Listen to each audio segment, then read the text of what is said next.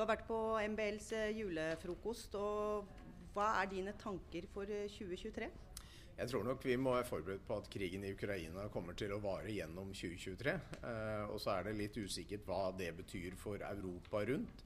Så håper jeg inderlig at Vesten fortsetter å støtte, sånn at de kan stå imot det russiske angrepet. Du snakket jo om terrorbildet, men hva med den digitale terroren? Ja, Den digitale trusselen kommer til å bestå. Eh, så kommer nok den til å være rettet mot det å prøve å påvirke opinionen. For det Russland har behov for, det er at vi slutter å støtte Ukraina. Så hvis de kan klare å påvirke Europa, USA sånn at vi ikke støtter, så kan det være én ting. Det andre er sårbare områder de kommer til å gå etter, hvor, kan, hvor de kan få en effekt i, eh, i Europa. Dere fikk skryt for eh, samarbeidet dere har gjort med Verifiserbart. Kan du si litt om det? Ja, altså det Vi har gjort, altså vi har jobbet med bildeanalyser selvfølgelig i veldig mange år. Det er en del av profesjonen, og det er jo en egen fagutdanning.